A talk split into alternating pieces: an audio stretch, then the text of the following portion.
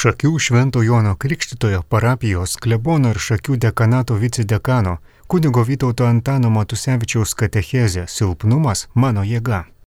Būkite pasveikinti, mėly Marijos radio klausytojai ir palaiminti. Šią katechezę pavadinau Silpnumas mano jėga. Žinoma, šie žodžiai kyla iš svarbios apaštalo Pauliaus patirties ir joje gauto viešpaties pamokymo. Apaštalas užrašė, aš jau tris kartus maldavau viešpatį, kad atitolintų dyglį kūnę nuo manęs. Bet man jis atsakė, gana tau mano malonės, nes mano galybė tampa tobula silpnume. Todėl aš mieliausių norų girsiuosi silpnumais, kad Kristaus galybė apsigyventų manyje. Tad džiaugiuosi silpnumu, paniekinimais, bėdomis, persikėjimais ir priespauda dėl Kristaus, nes būdamas silpnas esu galingas. Taip tautų apaštas rašo antrame laiške korintiečiams 12 skyriuje. Turbūt kiekvienas žmogus trokšta būti tobulas, būti nepriekaištingos reputacijos. Visi norime ir stengiamės pagauti sėkmę laimę. Tiesa skirtingai įsivaizduojame, kokia turėtų būti ta sėkmė ar laimė bet visi norime būti laimingi. Ir tai labai žmogiškas, natūralus poreikis, net pašaukimas. Viešpat sukūrė mus dėl savęs ir nerami širdis, kol netilsės jame. Tai garsaus Švento Augustino posakio parafrazė. Lankydamasis Lietuvoje Šventas Jonas Paulius II vienoje savo kalbų priminė antrojo Vatikano susirinkimo mokymą. Kūrinys be kurėjo nyksta, Žmogui reikia aukščiausio palaimos ir pagalbos, kad jo padedamas galėtų išmintingai darbuotis pasaulyje ir įvykdęs Dievo valią nueiti amžinybę į polisį tėvo namuose. Šventasis popiežius dažnai kalbėdavo apie laiko ženklus ir nuolatinę kovą tarp gėrio bei blogio. Vienoje iš savo kalbų šventas Jonas Paulius II taip mokė. Su Marija būtina išeiti laikų pabaigą Laiko ženklai rodo, jog esame orbitoje didžios kovos tarp gėrio ir blogio, tarp Dievo pripažinimo ir atmetimo Dievo, jo buvimo pasaulyje ir išganimo, kuris jame turi savo pradžią ir pabaigą.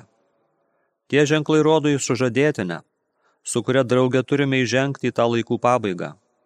Taip pat su ją turime pasitikti tuos išmėginimus, kurių mūsų laikais yra tiek daug. Taigi, Kova tebe vyksta. Visais frontais.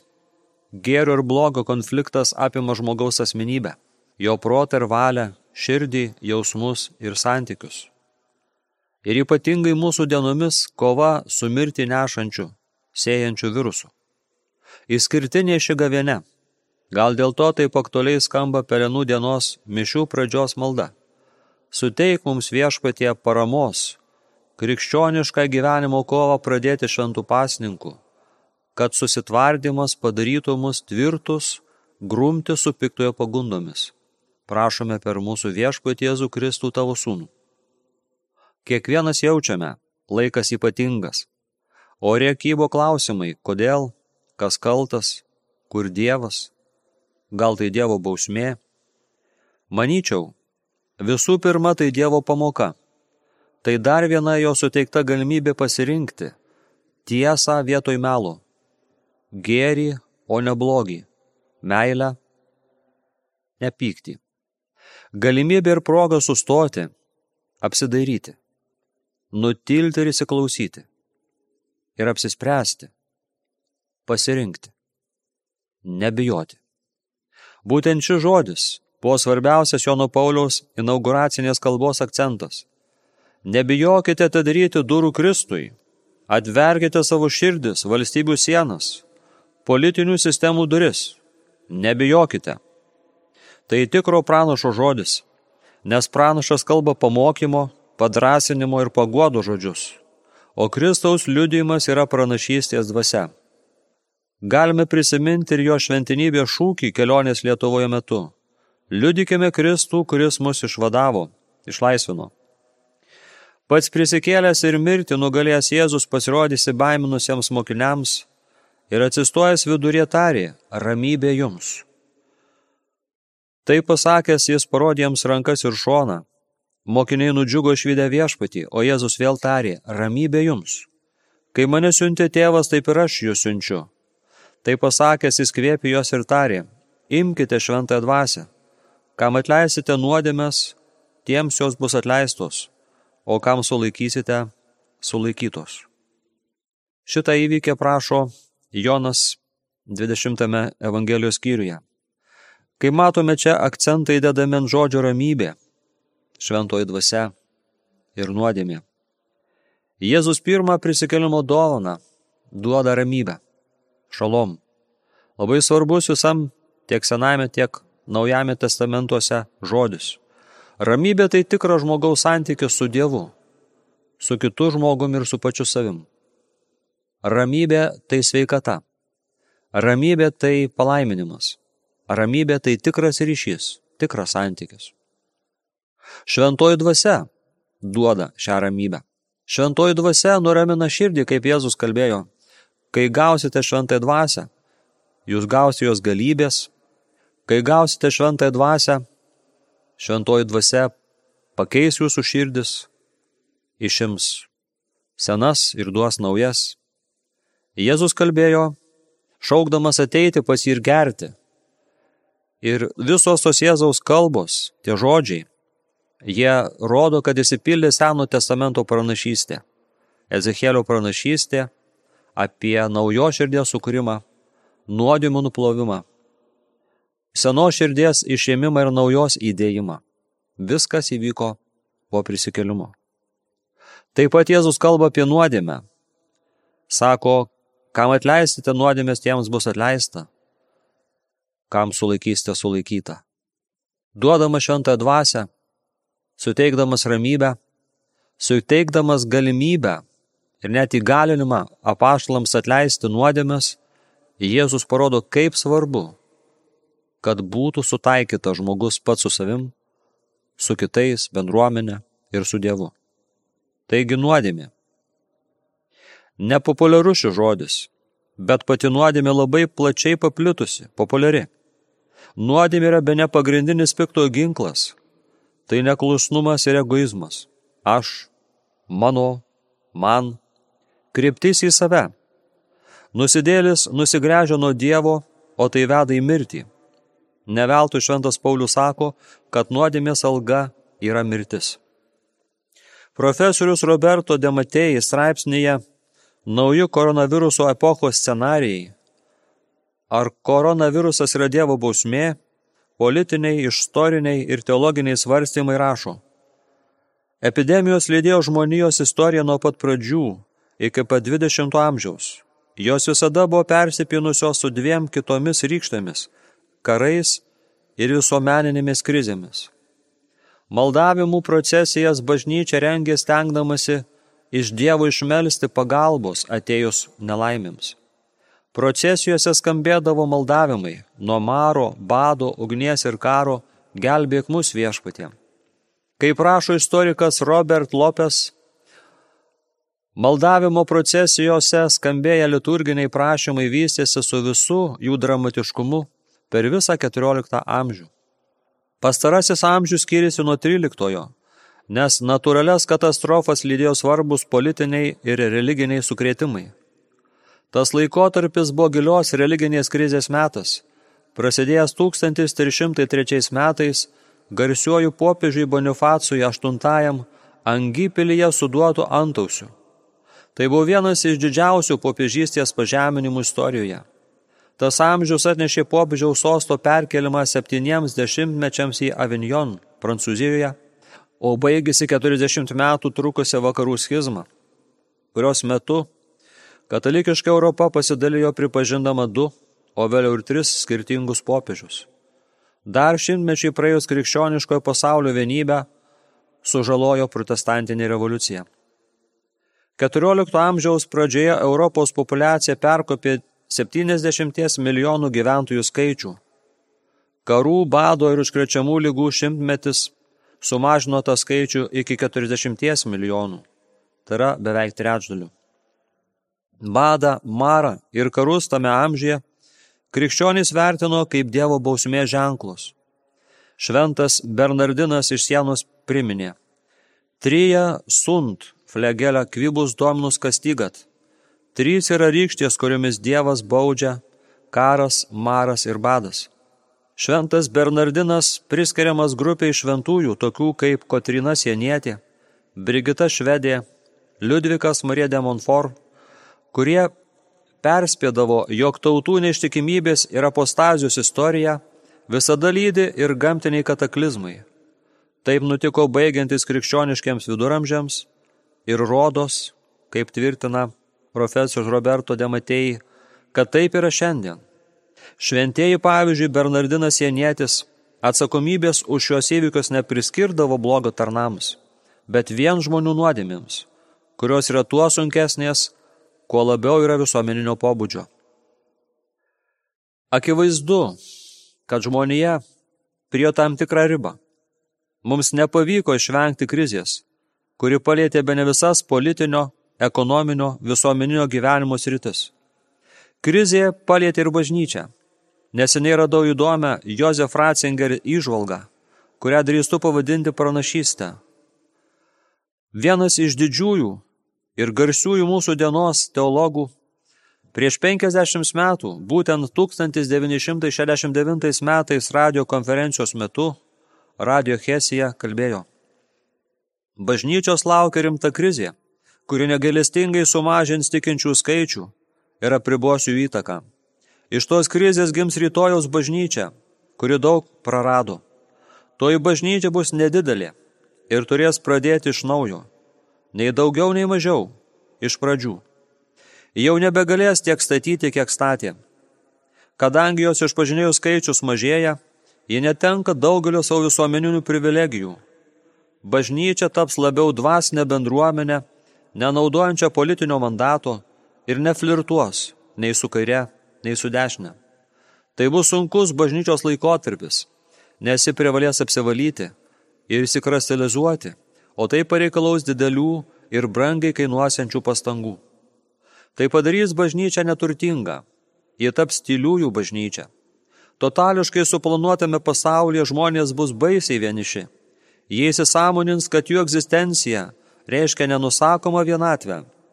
Jie patirs didžias kančias, nesupras, jog iš savo pasaulyje žiūros pašalino Dievą. Tada ir tik tada mažoje kaimenėje tikinčiųjų, tikintieji atras kai ką išskirtinio, savo viltį, atsakymą, kurio visada ieškojo. Jozef Ratzingerio citatos pabaiga.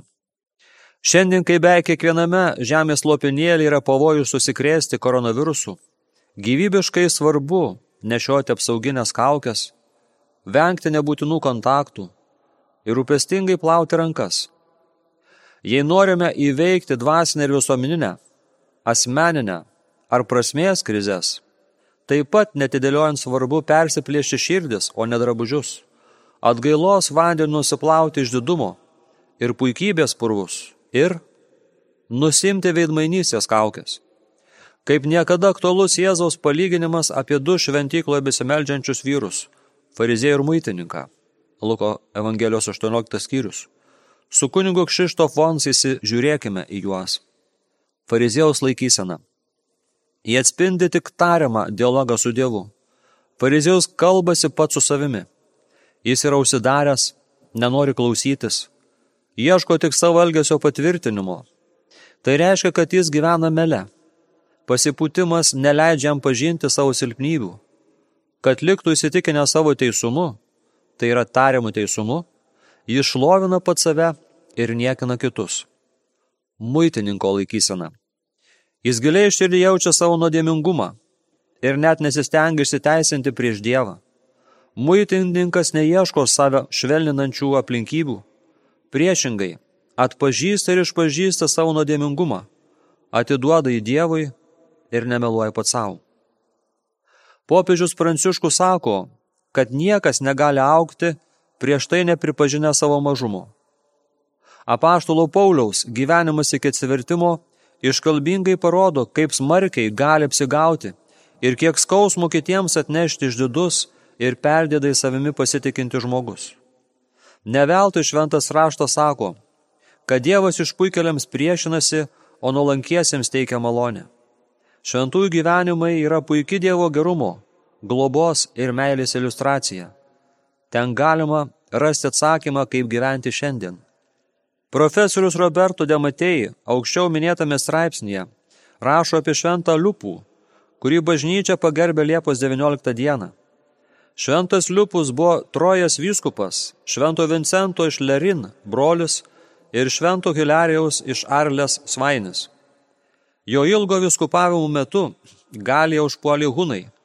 Atila, Hunų karalius, 400 tūkstančių vyrų turinčios kariuomenės vadas, naikino viską, ką tik sutikdavo savo kelyje.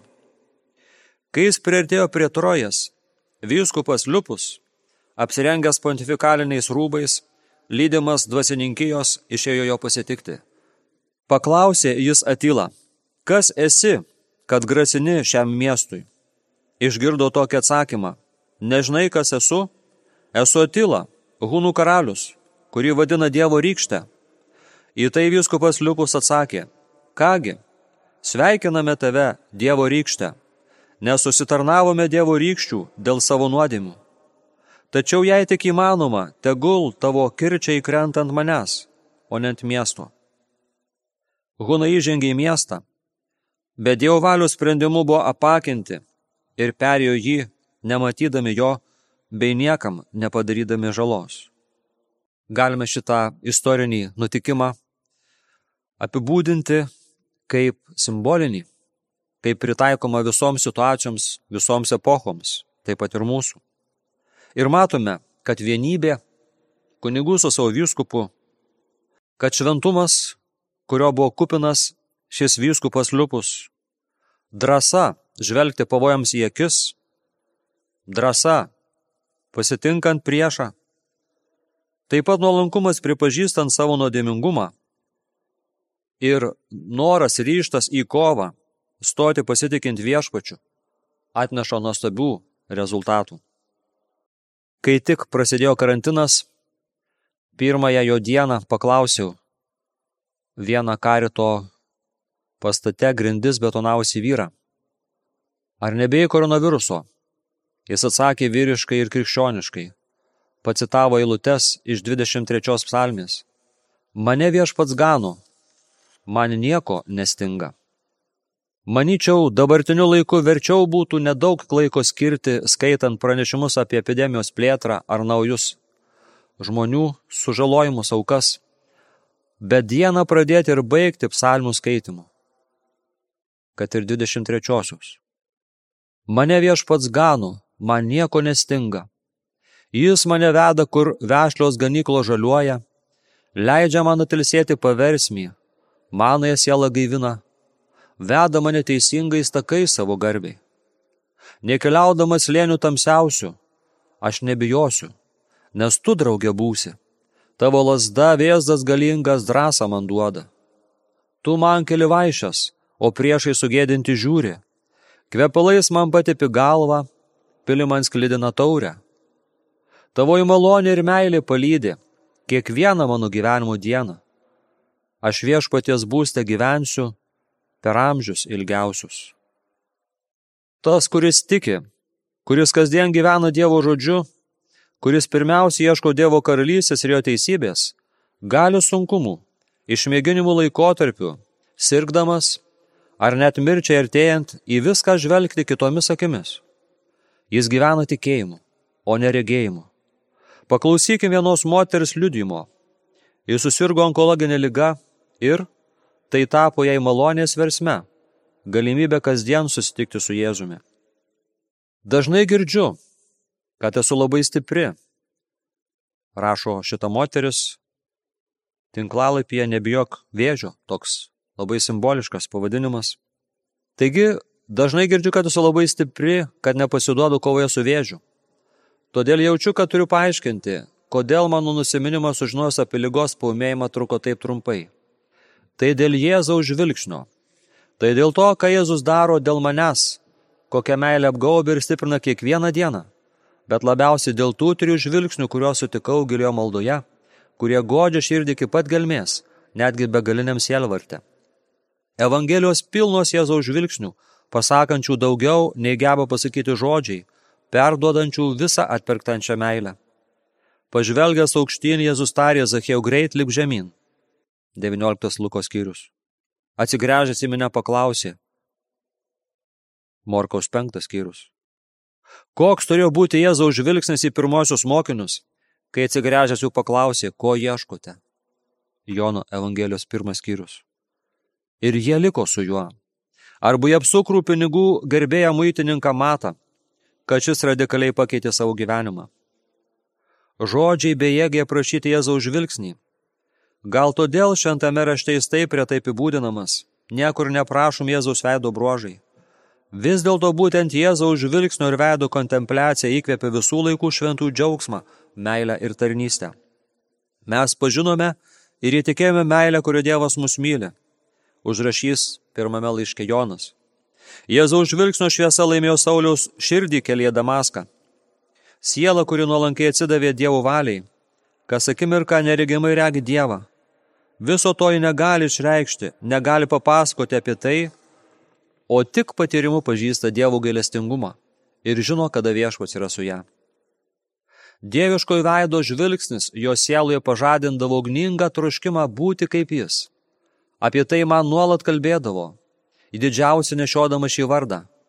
Taip apie švento kūdikėlių Jėzaus ir švenčiausio Jėzaus veido Teresę liudė viena jos naujokių. O garsi ispanų mystikė Teresė Vilietė taip kalba. Kas jums trukdo bent akimirką žvelgti į viešpatį savo sielos akimis? Jis juk nuo jūsų niekada nenuleidžia akių vien tik jūsų žvilgsnio jis laukia. O Ispanijos karmelitas tėvas Marcelino taip apibūdino mistikus. Mistikas yra tas, kuris leidžia šventai dvasiai valdyti jo gyvenimą. Gyvenimas nėra kupinas misnių malonių, tačiau jame būtinai yra atidus ir intimus Dievo žvilgsnis. Toliau moteris liudija. Nesu tvirta nei gyvenime, nei tikėjime, bet mane palaiko keli sutikti Jėzaus žvilgsniai tai žvilgsnis nuo kryžiaus. Pagaliau tu atiduodi man savo naštą, kaip ilgai aš to laukiau. Tuomet prieš šešerius metus šitas liudimas užrašytas 2013 metais, taigi dabar praėjo daugiau laiko. Atėjau šventas mišes visiškai nusivylusi savimi, pasibaisėjusi savo nesugebėjimu mylėti ir pasakiau, kad neturiu ką atiduoti, tik savo nesėkmes. Kitą žvilgsnį sutikau rekolekcijose – į kurias atvykau su neištikimybės nuodėme. Tai žvilgsnis į nusidėlę Simono namuose, pravirkdęs ją taip, kad galėjo ašarom nuplauti jo kojas. Ta graži moters, atgailautojos ir Jėzaus sustikimo istorija aprašyta Luko 7 skyriuje. Visada maniau, kad evangelistas čia perdeda, kaip įmanoma taip verkti, kad kojos būtų šlapios. O tada iš Jėzaus žvilgsnio supratau, jį žino apie mane visą tiesą bet vis tiek švelniausiai myli. Ir ne tik myli, bet dar ir leidžia man tokiai nevertai įmylėti, jį liesti. Ašros tekėjo upeliais. Paskutinis žvilgsnis. Tai žvilgsnis į meniuje jį palietusią moterį. Morkaus penktas skyrius. Priimu tavo meilę, tavo švelnų prisilietimą, tavo pasitikėjimą. Jie man svarbus, ateik į mano šviesą, į mano veido šviesą, į mano romumą ir nuolankumą aš myliu tave ir bučiuoju. Tai nutiko po paskutinės sunkiausios chemoterapijos. Jau žinojau, kad esu saugi, nes Jėzus miega mano valtyje. Nenorėjau dėl nieko jo žadinti. Norėjau, kad jau susimylimas, kad žinotų, kaip visiškai jo pasitikiu. Net tokiame bejėgiškume, kuriame įstrigau dviem savaitėm. Net jausdamas ant gyvenimo ir mirties lenkščio. Tuomet adoracijos metu žvelgiau Jėzaus apsiaustą meniuje ir troškau jį paliesti, iš tikrųjų paliesti. Nes skirtumas tarp lietimo ir spaudimo labai nedidelis, bet esminis. Galvojau, jei paliesiu švelniai švelniai, paliudysiu savo meilę. Norėjau tik tiek, tik paliudyti savo meilę, be jokio prašymo pasveikti, be maldavimo, be reikalavimo. Ir man pavyko. Aš liečiau, kaip liečia drugelis. O tada Jėzus atsisuko. Šviesa iš jo veido lyg vėjas, lyg vanduo užlėjo mane. Kūnas vienu metu ir prispaudė prie lovos ir tapo besvoris. Jis buvo taip arti, kad sulenkta ranka galėjo perbraukti jo kaktas kruostų. Visa kita buvo tik šviesa. Tačiau ateina momentas, kai jis pats ieško mūsų savo žvilgsniu, atkreipia į mūsų savo veidą ir mes esame išgelbėti. Silvano Fausti. Dėl to žvilgsnio galiu ir šiandien visą pakelti, visą tikėti, visko viltis, visą ištverti. Dėl to žvilgsnio tikiu, kad viešpaties sprendimai tikri, viseliai vieno teisingi, daug brangesnė už auksą, už tyriausiai auksą, saldesnė už medų, tą korios kysti. 19 psalmė. Moteris tęsė. Dėl to Jėzaus žvilgsnio aš nenusimenu, net kai vėl ir vėl nesugebu tobulai nesavanaudiškai mylėti, kai suklumpu po nemailės, tai yra nuodėmė svorių, ypač santykė su vaikais. Dėl to žvilgsnio, kuris niekuomet manimi nenusivilia, keliuosi, bėgu iš pažinties ir mano silpnumas tampa proga vėl patirti Dievo gailestingumą, skatina vėl iš naujo mokytis mylėti. Dėl to žvilgsnio širdie nedingsa džiaugsmas, nors gyvenimas, ar piktasis, sukuria vis daugiau progų jį prarasti. Dėl to žvilgsnio netapau šventa, bet galiu ir noriu vis dažniau atleisti ir mylėti. Atleisti savo, mylėti save. Prieš kelias dienas buvau gundo mane rašyti šito laiško, pagalvok, tu matei Dievo veidą, o tavo gyvenimas nepatvirtina tikrumo to, ką matei, net spindi meilės, kurią pažinai. Bet dėl Jėzaus žvilgsnio į nusidėlę žinau, kad pralaimėtas mūšis dar nepralaimėtas karas. Todėl keliuosi ir einu toliau, netgi rašau. Juk ne kalavijai užvaldė kraštą, ne jų ranka jiems pergalę davė, o tavo dešinioji, tavo petys ir šviesa tavo veido, nes tu juos mylėjai. 44 psalmė. Galima sakyti, kad tai tik pasivaidenimai, laki vaizduotė, halucinacijos, bet dėl jų galėčiau su džiaugsmu gyventi, net jei viskas žmogiškai atrodo prarasta, ar net numirti, jei tokia bus švelnioji Dievo valia. Jei visagalis, visamatantis, gailisingiausiai mylintis viešpats, apreikštų jums savo meilę tiesiogiai, leisdamas paliesti jo veidą ir jūs pabučiuodamas. Taip pat netiesiogiai daug kartų atsakydamas jūsų mintis, kad jis yra su jumis, Ar jūs galėtumėte sobejoti, kad jis trokštų jums geriausio? Ar dar manytumėte, kad reikia prašyti išgydymo? Todėl prašau tik už kitus. Melsis už žmonės, tai lieti širdies kraują, sako šventas Ilanas.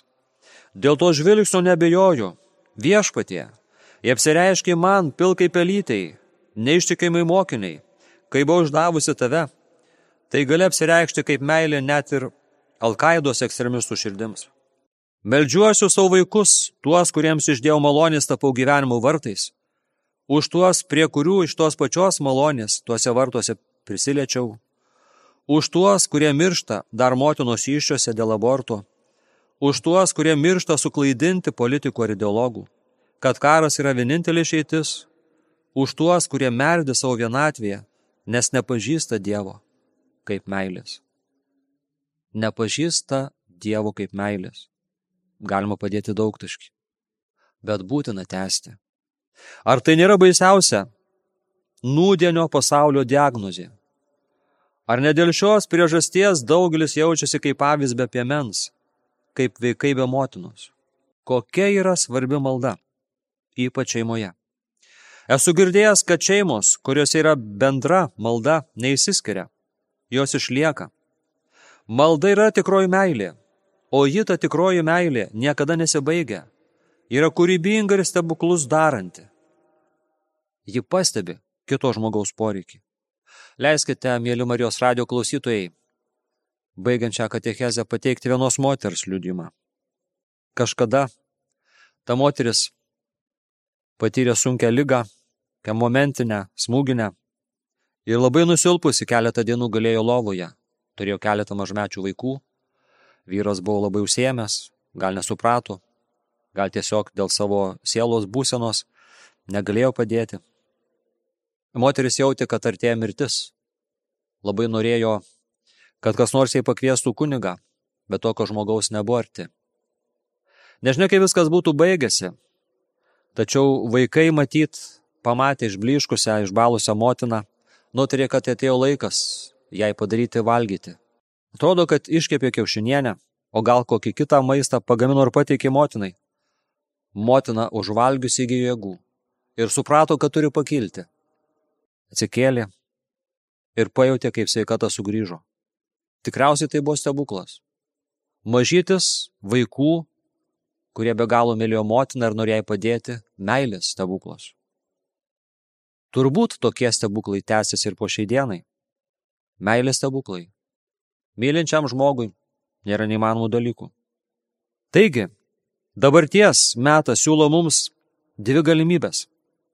Būti pasyviais stebėtojais arba kritikais, arba kita vertus leisis į nuotykį su viešpačiu.